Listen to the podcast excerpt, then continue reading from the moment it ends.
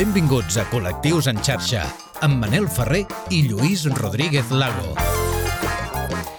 Benvinguts i benvingudes de nou al Col·lectius en xarxa. El proper 28 de maig tindran lloc eh, les pròximes eleccions municipals i, per altra banda, les eleccions autonòmiques de moltes comunitats de l'estat espanyol. Manel, què tal? Molt bé, com estàs, Lluís? Molt tu? bé. Doncs avui Tot al bé. Col·lectius... Tot bé, tot bé, això és important. Avui al Col·lectius en xarxa pretenem repassar quin és l'estat de la qüestió al voltant de les polítiques LGTBIQ i més i de les polítiques feministes dels partits que tenen més representació ja a les institucions.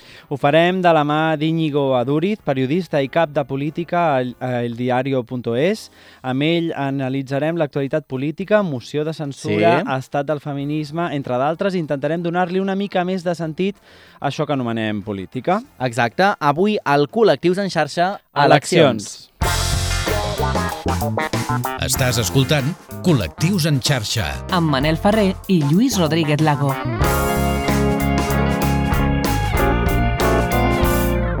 I l'any 2023 es preveu que pot ser un any eh, políticament bastant interessant i mogudet, mm. donat que el pròxim di diumenge, 28 de maig, tindran lloc les eleccions autonòmiques en gran part de les comunitats autònom autònomes de l'estat espanyol. Estem parlant d'Aragó, d'Astúries, Canàries, Cantàbria, Castella-La Manxa, el País Valencià, Extremadura, Illes Balears, la Comunitat de Madrid, Múrcia, Navarra, La Rioja i així com a les ciutats autònomes de Ceuta i Melilla. Mm -hmm. Segurament esteu pensant, us heu deixat Catalunya? Doncs no, No. perquè serem una de les excepcions, però en el cas de la Comunitat de Madrid, malgrat que es van avançar les eleccions fa dos anys, les normes exigeixen que se celebrin una vegada més en la data que ja estava prevista. Així doncs, Isabel Díaz Ayuso es troba davant del desafiament de revalidar la seva victòria de l'any 2021, només dos anys després, ara en un context postpandèmic i amb la probabilitat, segons diuen les enquestes, de necessitar a Vox per conformar govern. Lluís, veu, pinta interessant aquest eh, 2023, Déu-n'hi-do. eh? Sí. El País Valencià també tornarà a la data natural de la celebració de les seves eleccions autonòmiques, juntament amb aquestes altres comunitats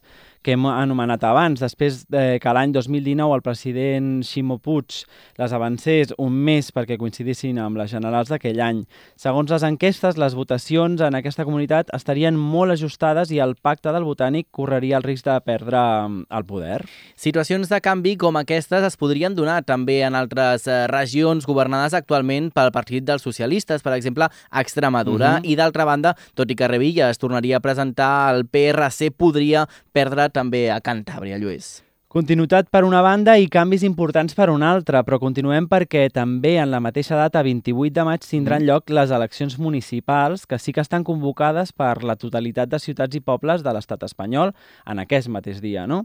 D'aquesta manera seran triats els nous regidors i les noves regidores de tots els ajuntaments, també dels que es troben a llocs que no se celebren les autonòmiques. Per tant, Barcelona, per exemple, per exemple, Premià... sí, sí, sí, sí, uh, poblacions uh, i ciutats uh, molt grans. Per Mhm. si fos poc, sembla ser que a Moncloa es parla del 10 de desembre de 2023 com a data límit per convocar eleccions generals. També se'n parla del gener del 2024 i per últim, i segurament en funció de quins siguin els resultats al maig, eh, es parla fins i tot d'un avançament també electoral. déu nhi I amb tot aquest panorama al damunt de la taula avui pretenem parlar de quines són les consideracions al voltant de les polítiques LGTBIQ i de les, i de les polítiques feministes dels partits més grans que es presenten eh, per aconseguir representació a les institucions de tot l'Estat. Mhm. Escoltarem i comentarem algunes de les declaracions que s'han fet darrerament i alguns dels successos que han marcat l'agenda feminista i LGTBQ, eh, LGTBQ i més dels últims mesos. I continuem al Col·lectius. Perquè els pols oposats també s'atreuen, escolta col·lectius en xarxa. Llavors llegia un article per preparar una mica aquest programa. eh, Lluís? No he parat, de veritat, eh? eh? Que parlava de la campanya de les anteriors eleccions, les del 2019, les generals, Mm. Y deia, todas las formaciones han adoptado un discurso nítidamente pro-LGTBI. Deia todas, ¿eh? Son Sí. escasos los políticos que no explicitan su apoyo al colectivo de un modo u otro, en mayor o menor grado, du- durante el Día del Orgullo, haciendo uso de, de su bandera, etcétera, Mhm. etcétera, no? Una mica de pinkwashing. Ja en parlarem, eh, Lluís? Sí, jo, jo, jo anava a dir, el nostre programa va començar el 2021, aquest article és del 2019, i Mm. nosaltres només ens va costar 23 programes dels 85 que portem parlar de pinkwashing, però, a més a més, no sé què pensaràs tu, Mm. però jo penso que d'aquell plantejament del 2019 partits eh, com aquest BOX, Sí. eh, eh, han fet que canvi una mica el paradigma, no?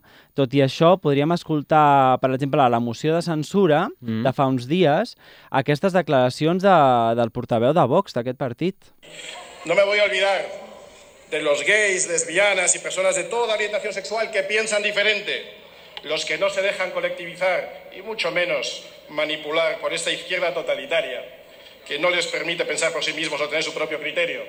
Muchos, como Isaac, Carlitos o Madame, ya se han sacudido las cadenas de esta izquierda totalitaria y no toleran que se les imponga la única forma de pensar. Y por supuesto, los que cada vez o las que cada vez piensan de manera más diferente, las mujeres. Mujeres que no están dispuestas a que se les imponga la representación necesariamente de otras mujeres que dicen cosas horribles. déu A mi, que des d'un partit polític em parlin de, de les negativitats o de lo negatiu que és col·lectivitzar-se, Mm.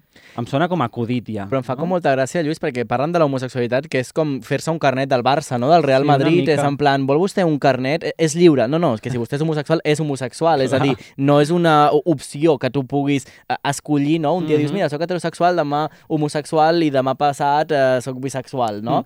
L'interessant d'aquest tall, jo penso, és com a, a aquest, partits com, per exemple, Vox, per exemple, eh, fan eh, aquesta apropiació de les paraules i Mm. busquen aquest, aquesta parcel·la del vot, no? Totalment, sí, sí, sí. eh, sí. mm, definint-se com a, com a partit no homòfob, Mm. quan eh, diguin ells el que diguin, no? És que a mi el que m'està començant a preocupar, Lluís, amb, amb tot això, és que hi ha gent que forma part del col·lectiu i comença a recolzar uh, posicionaments uh, propis de Vox. Llavors, Mhm.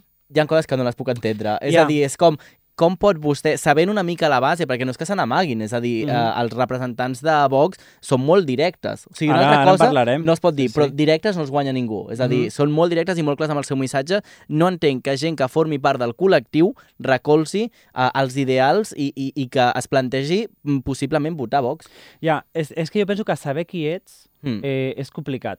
Total. Llavors, eh, un pot saber que, que és eh, homosexual perquè li agraden, o, o lesbiana perquè li agraden les noies, però no saber que no et fa... És, és una mica el comentari que feia també Rufián de los ratones que voten a los gatos, no sé si l'heu sentit Mhm, fa poc, mhm, doncs és una mica això. mhm. Com deia, més evident que Vox és un partit homòfob, diguin ells els que diguin, eh, perquè, per exemple, insisteixen en fer una diferència entre els drets de la unió afectivo-sexual en funció del gènere, no? El, el Sí. que diuen ells que no, que no le llamen matrimoni. Mhm, mhm. O, per exemple, otorguen una prioritat considerable a l'oposició de lleis LGTBI, fins al punt de posar el PP a aquestes condicions quan han de pactar governs, no? I les seves propostes alternatives a aquestes lleis eh, inclouen, doncs, o derogar-les completament o moltes retallades. Mhm. D'altra banda, també otorguen prioritat a les parelles he- heterosexuals quan es, quan es parla de, de l'adopció, no? titllant-les de família naturals. Tenim unes declaracions de Santiago Abascal, de Santi, el amigo Santi Abascal, a l'Hormiguero, di dient si hay un niño al que no quiere adoptar nadie, ¿no? pues que lo adopten homosexuales. Clar. És a dir, com a última opció, no? Exacte. Com a tarifa d'últim recurs, Ah, sí. no? Si fos el, el de la llum, no? Exacte.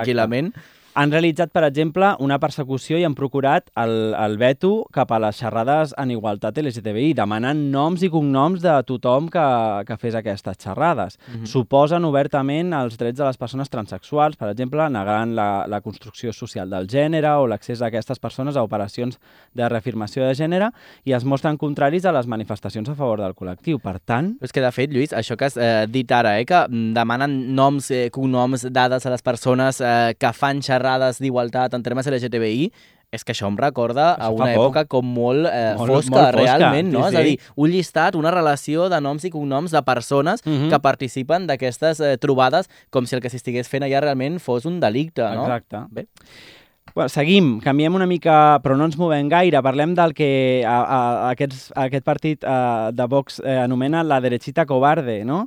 que són eh, a, al PP. Mhm. que la història recent eh, ens diu no, que el 2005 el govern de José Luis Rodríguez Zapatero proposa la legalització del matrimoni homosexual i només dos partits polítics van votar en contra. Un va ser el PP i l'altre va ser la desapareguda Unió Democràtica de Catalunya, aquí en vam parlar. De fet, Lluís, estic pensant també en la responsabilitat que tenen les la resta de partits, en parlarem després amb el nostre convidat, Mhm. perquè ells poden tenir uns ideals que jo lògicament no comparteixo, però també tenen una responsabilitat molt gran als partits que posen per davant els drets de les persones a canvi d'acabar governant a un lloc. Ah, és a dir, tu necessites aquells vots, no?, Uh -huh. I vas en contra del que tu en principi defenses només per acabar governant. Total. O sigui, és una cosa molt heavy, Molt és a dir, heavy. una, hi ha una corresponsabilitat no, Mhm. en aquest tema Sí, sí. eh, molt important. Eh? En un intent de defensar la igualtat de drets en matrimoni i adopció en les parelles homosexuals, el Partit Socialista va portar un grup eh, de psicòlegs i el PP, per part seva, va portar un psiquiatre que va assegurar que l'homosexualitat era una malaltia i que els homosexuals eh, tenien tendència, atenció, a violar nens. Eh? 2005, eh? Sí, sí. Eh, però això no va acabar aquí. 50 diputats del PP van presentar al setembre del 2005 un recurs contra el Tribunal Constitucional perquè suspengués la llei i això no es va resoldre fins al 2012. Vull dir, ja Mhm. ens estem apropant. I suma i sigue, que diuen en castellà, no? Però fa un temps el senador del PP, Jaime Miguel de los Santos, feia aquestes declaracions que va recollir el diario.es davant de la ministra Irene Montero. Nunca he tenido, nunca he tenido un problema de LGTBI fobia en mi partido. Nunca. Es más, en mi partido, el presidente Mariano Rajoy Brey, Cristina Cifuentes Cuencas, Pedro. Rollán y Alberto Núñez Feijó me han tenido en sus equipos por mis características, por mi currículum y no por con quien me acueste. Es más, siempre me han preguntado por quién era mi marido, asumiendo la realidad y los derechos de todos como algo básico, porque con muy mal estilo, con bastante mal estilo, afeaban o sacaban aquí la boda de no sé qué representante de mi grupo parlamentario. En 2015 esa persona se pudo casar porque el 20 de noviembre de 2011, con una mayoría absoluta de 182 diputados, el señor Mariano Rajoy Brey no cambió en cuatro años ni una coma de la ley del matrimonio igualitario. El señor Mariano Rajoy Brey, Silencio, presidente señorías. del gobierno con 182 Silencio, diputados, señorías, no cambió ni en una coma la ley Señorías, del matrimonio igualitario. Clar, veus com hi ha gent que no sap qui és ben bé? Perquè... És que, a més, Lluís, amb tot això, amb tot el que diu, a mi el que em sobta és que aquesta gent sàpiga que existeix una cosa que es diu ordinador, que es diu Google, que tu pots posar unes dades i t'apareix la relació de dades. És a dir, tu no pots anar a un lloc a mentir, no?, i a fer com aquestes dobles lectures per intentar A- maquillar a de girar nou els discursos del teu partit, manera, no? Clar, Sí, sí. evidentment. A girar la truita d'aquesta manera. Però fixa't, eh? Jaime Miguel de los Santos, casat amb un Mhm. home, senador del PP, i capaç d'entendre que el seu, petit, el seu partit hagi votat en contra de tot el que ha pogut fer ell, Sí, perquè sí. aquells drets no li ha, no li ha concedit ningú, però um, con todo su cuajo Sí, sí, agafa sí. i diu que, no, que ell es casa perquè ningú li va treure la llei aquesta que, que bueno, Clar, és a dir, no van fer res a favor, però bueno, tampoc en contra, Tampoc eh? en contra. Perquè com es van oblidar un dia de votar, doncs jo em vaig poder casar, no? Home, Una mica veure, estrany. Sí, sí. Però què ha passat també amb els partits de l'esquerra? Perquè el, el PSOE, eh, amb el PSOE han passat algunes coses en el que portem de legislatura, entre altres, això. Calvo y Iglesias. O sea, a propósito de los niños y niñas, ya en el año 2007 el Tribunal Constitucional dijo que era inconstitucional excluir a la infancia trans de la determinación de la identidad de género. Yo creo que no tiene sentido seguir obligando a los niños y niñas trans a estar dos años hormonándose o que tengan que reconocer una suerte de enfermedad como la disforia de género. Pero creo que hay un argumento que está por encima de, de todo esto, que es el argumento de la autodeterminación de género. Y yo creo, y te lo digo con mucho respeto, Carmen, que el problema vuestro o la posición vuestra es básicamente que no consideráis que las mujeres trans sean mujeres. Consideráis que su propia existencia borra a otras mujeres y yo creo que ese planteamiento es inaceptable y creo que eso está detrás de que cuando Aymar te pregunta si estás de acuerdo con la autodeterminación de género no contestes y digas que ha cambiado la redacción porque no, no estás de acuerdo con la autodeterminación de género, no estás de acuerdo con que una persona que ha nacido con genitales masculinos pueda decidir ser una mujer y eso es lo que hay detrás de todo esto y nada más que eso. Pablo, es más complicado. No, Carmen, no. Es mucho más complicado. Lo que no estoy a favor es que se borre el sexo. Pero entonces, ¿Carla No, Antonelli es que no es, una mujer o no es una mujer? es una pregunta muy sencilla. No me digas que la respuesta es complicada. acuerdo, Pablo, y en lo que no estoy de acuerdo justamente es que se hormone a los niños. Justamente en lo que no estoy de acuerdo.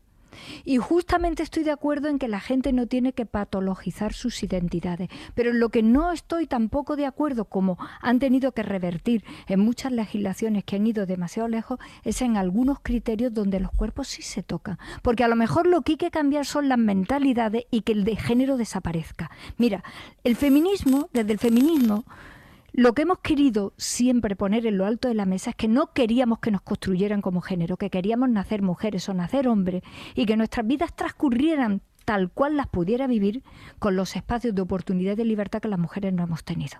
Justamente lo que queríamos es salir del género, ese género que nos colocaba como femenina, fémina, lo que era femenino, lo que no era femenino, que al final se reconducía toda una injusticia detrás de otra.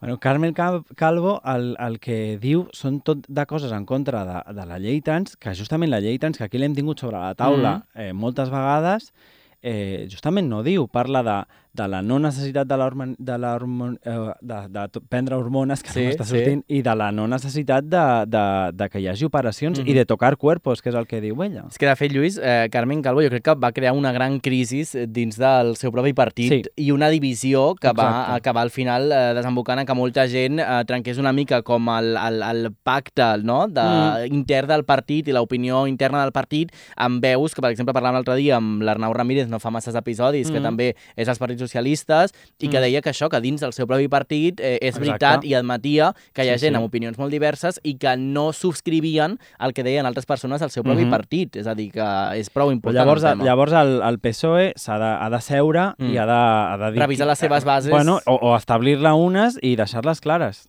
Fer neteja, estava pensant. Jo just... No, és a dir... Li preguntarem eh, clar, a l'Iñigo sobre, aquest, sobre aquest paper, sobre mm -hmm. aquest... perquè Carmen Calvo té, té un té una presència en aquest partit, per això, per això, molta. és a dir, que jo tant... crec que si no hagués estat en aquesta tesitura del pes yeah. que té també dins del govern, mm. jo crec que hi haurien hagut mesures, o potser ell hauria marxat perquè no està d'acord amb el partit, o el partit Clar. potser l'hauria convidat a marxar, en el cas de que no estiguessin d'acord amb el que ella deia, que això mm -hmm. és una altra cosa també. És a dir, també hauríem de veure què és el que diu el partit i ben bé el posicionament Total. que tenen, si més sí, no, sí. públicament, no? Mm. I arran de tota aquesta polèmica que ara comentàvem, vam veure, per exemple, com Carla Antonelli doncs, va acabar abandonant el partit dels socialistes.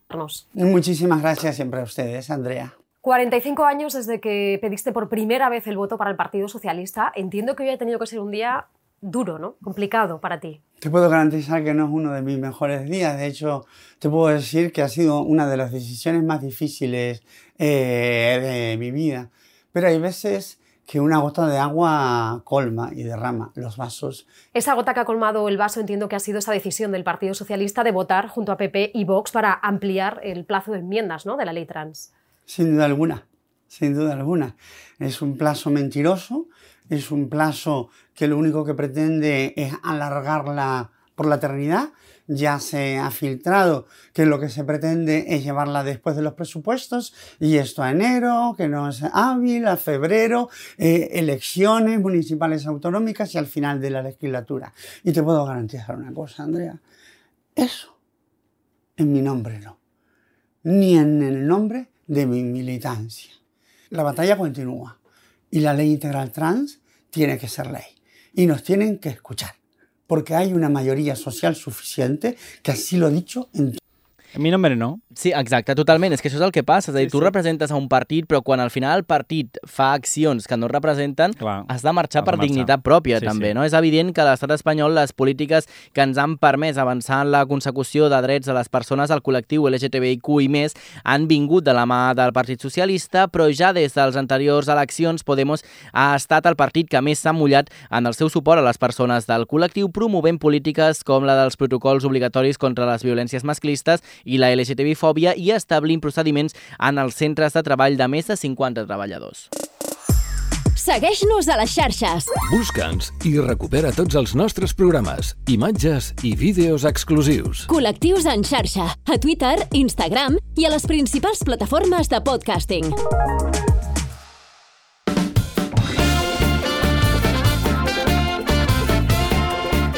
I avui tenim la gran sort, la gran sort de tenir el Col·lectius en xarxa a Íñigo Aduriz, cap de la secció de política del diario.es. Benvingut al Col·lectius en xarxa, Íñigo. Que, moltes gràcies per venir. Es que ricasco a vosotros, eh, bien hallado. Gràcies. De fet, eh, Lluís, hem d'explicar que amb l'Iñigo va ser com una aparició va gairebé ser el com que una va aparició, passar, eh? va ser com una aparició perquè, perquè eh, em va sortir, bueno, el vaig trobar a Twitter i va ser com, necessitem la teva veu aquí al col·lectiu Íñigo i em vas dir que sí de seguida, per tant, va ser com molt, va ser com perfecte, va Ens ser com el match en català, perfecte. sí? Sí, ens entén Perfecte, en català, perfecte, sí, tant, molt bé, perfecte, molt bé. A veure, Íñigo, volem demanar-te una mica d'ajuda perquè nosaltres hem intentat posar sobre la taula algunes de les accions i declaracions que s'han fet en els últims temps per part de partits polítics que tenen mm, més representació a l'Estat al voltant de polítiques LGTBI i ens adonem d'una cosa. Tots diuen d'ells mateixos que són partits a favor de les persones LGTBI, però a simple vista veiem que, que no és així. No, per exemple, recuperem una infografia que va penjar fa molt poc eh, fer el, eh, eh, la Federació LGTBI sobre mesures aprovades pel govern d'Hongria, un govern al qual Vox defensa. Y deia, per exemple, que han, pro han, pro han prohibido emitir contenidos LGTBI en televisión, han prohibido la publicidad exterior de contenido LGTBI, han prohibido, bueno, un montón de coses, educació en diversitat. Què passa eh, amb els partits de la dreta que reclamen la seva quota de votants LGTBI, però només fan que derogar lleis eh, que protegeixen les persones del col·lectiu?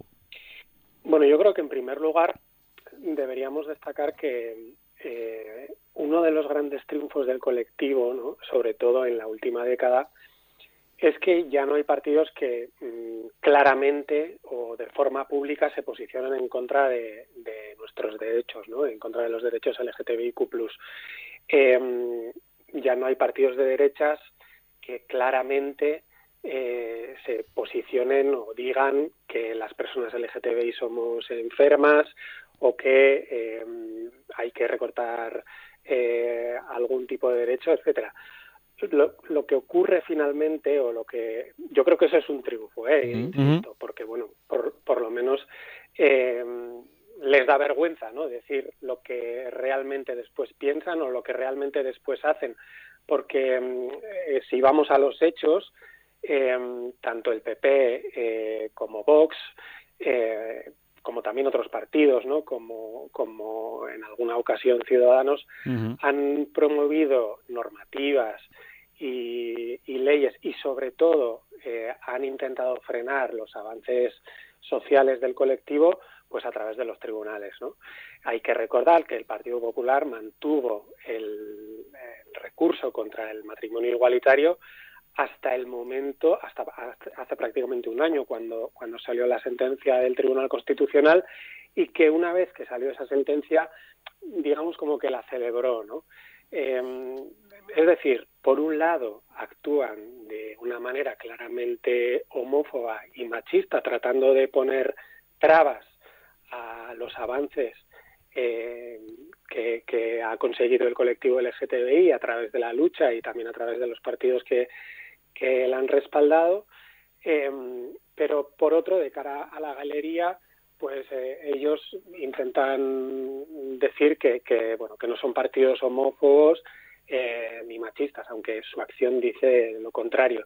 Y lo vemos, yo creo que en cada, en cada celebración del orgullo, ¿no? Durante el año, eh, los partidos de derechas promueven iniciativas o rechazan iniciativas que, que, avanzan en derechos eh, para las personas LGTBI, pero luego quieren manifestarse en la manifestación estatal del orgullo eh, como si no hubiese pasado nada. ¿no? Y yo creo que esa es un poco la, la dicotomia no? en la que viven estas fuerzas polítiques. Uh -huh. eh, de fet, eh, Íñigo, volia preguntar-te també, perquè quan, es va, o quan va sortir aquest govern entre Podemos i el Partit Socialista, una gran part del col·lectiu doncs, estava molt content perquè va dir ara sí que és el moment de tirar endavant aquestes polítiques feministes, aquesta llei trans, però l'hora de la veritat sembla que dins, de manera interna, hi ha hagut una guerra d'egos i que tampoc s'han acabat d'entendre perquè els posicionaments sembla que no anaven tan units i no anaven tan encaminats a l'hora d'aprovar-los, no? Sembla que aquest govern que havia de ser com la llum al final del túnel eh, ho ha estat mm, a mitges, no? Perquè ha costat bastant que es posin d'acord també entre ells. Bueno, yo creo que por un lado hay que poner en valor eh, que sí que se han producido eh, varios avances, mm. ¿no? Está la ley del solo sí es sí, está sí. la ley trans, pero es cierto que, que, ha sido muy complejo sacarlas adelante. Y yo creo que en el origen del de, conflicto eh, está un hito y es que el Partido Socialista en el acuerdo eh, que alcanza con Unidas Podemos en, a finales de 2018, principios de, de 2019, bueno, cede el Ministerio de Igualdad a, a Unidas Podemos, ¿no? En este caso a, a la figura de Irene Montero. Esto se consideró dentro del Partido Socialista como una suerte de traición, ¿no? Sobre todo por, por parte de un sector concreto eh, del feminismo que se autodenomina como feminismo clásico y que, bueno, lo que se ha demostrado en los últimos meses es que mm, más que feminismo, pues es eh, un colectivo que, que promueve la transfobia y que, bueno, no está del todo de acuerdo en algunos avances sociales. Eh, yo insisto en que creo que es un colectivo eh, pequeño dentro del Partido Socialista, porque hay que recordar que las, tanto la ley trans como la ley de del solo sí es sí salieron adelante también con el apoyo del, del Partido Socialista finalmente, ¿no? Entonces, Pero sí que perdona, sí que sí que creo que ha habido esa batalla que comentabas de egos, ¿no? Sobre todo por esa resistencia de una parte del Partido Socialista de, de ceder las políticas de igualdad a, Unidas Podemos. ¿Y podríamos eh, decir que eh, el, el, Partido Socialista tiene un problema de cara a las próximas elecciones con figuras como Carmen Calvo? Yo creo que sí. Eh, de todas maneras, insisto, es verdad que la corriente que, que, al final ha acabado liderando las, digamos, las tendencias eh, del feminismo y de igualdad dentro del Partido Socialista no es transfoba. Eh, Salió adelante la ley trans con el apoyo también del Partido Socialista, pero es cierto que algunos comentarios y algunos posicionamientos de figuras como Carmen Calvo hacen muchísimo daño al Partido Socialista, sobre todo ante el colectivo LGTBIQ+, ¿no? que, que ha sido uno de sus tradiciones, uno de sus tradicionales nichos de votantes. Claro, em, también te queremos preguntar justamente por Díaz Ayuso, porque a pesar de todos los problemas en los temas vinculados a sanidad y también algunos comentarios homófobos que han dado las vueltas a las redes sociales, parece que las encuestas le vuelven a dar otra vez una mayoría. Eh, ¿Volveremos a ver otra vez el Día del Orgullo y las semanas eh, que rodean ese día, pues estas banderas eh, con el arco iris en la sede del PP y otra vez como abanderados también de, de esta lucha? Es decir, como sociedad no aprendemos nunca. bueno, yo creo que, que, hay que reconocer una realidad mm. que, mm, que, bueno, yo creo que es un poco preocupante ¿no? para el colectivo LGTBIQ+, y es que hay personas del, del colectivo LGTBIQ+, que apoyan eh, a Díaz Ayuso, que apoyan al Partido Popular, que apoyan incluso a, a, Vox. ¿no? en contra de sus de sus de sus propios intereses Em, eh, a mí me parece que, bueno, que esto, es un problema eh, y, que, y que esas personas mm, que no vean que estas fuerzas políticas están actuando en contra de sus intereses, pues me parece mm, problemático. Eh, pero insisto, creo que por parte de Díaz Ayuso y también por parte del PP se practica una especie de pinkwashing, una especie mm. de, no sé si llamamos rainbow washing, eh, eh, por la que, bueno, eh, en las declaraciones públicas mm, se resisten a, manifestar la homofobia que luego practican las instituciones. ¿no? Y, perdona, pero ya para acabar, Íñigo, esta relación que, que, dabas tú que me parece muy interesante, ¿tú la vincularías, estos votantes que, de los que estabas hablando del PP y Vox, con un estatus social distinto? ¿Con una Sí, pertenecientes a una clase social distinta. ¿Van antes estos privilegios económicos que la condición de pertenecer al colectivo? Yo creo que más que eh, pertenecer a una clase social diferente, yo creo que si tienen una ideología eh, claramente de derechas y claramente ultraliberal, incluso eh, ultraliberal me refiero en lo económico, pero conservador en digamos, en algunas cuestiones como la religión, etcétera, que les hacen, eh, bueno, pues eh, apoyar este tipo de, partidos. Eh, como tú bien decías, sí, parece que, que ponen por delante esa ideología a, a sus propios derechos, ¿no? Y a Claro. la libertad, sobre todo, del resto de... Del resto del colectivo. Íñigo, te invitaremos otro día al colectivo porque nos pasa súper rápido el tiempo, pero nos ha parecido súper interesante hablar contigo, Muchísimas así que si nos ¿eh? dejas te volvemos a llamar otro día. Claro, llamadme cuando queráis. Muchísimas gracias. Gràcies, que vaya muy bien. Lluís, marxem, se'ns acaba el temps. Marxem Escoltant aquí. A Naomi i aquesta Tirando Bales, Molt bé. que és aquelles coses que jo faig amb aquestes cançons Exacte, que tu dius, sí, no? tirar sí, bales. Sí, tirar bales. Gràcies també al Carles Soler Piqué per assistir-nos a les vies de so. Marxem, tornarem a mitjans d'abril ja amb la Ah, sisena sí. temporada del col·lectiu. Descansem una setmaneta. Adéu.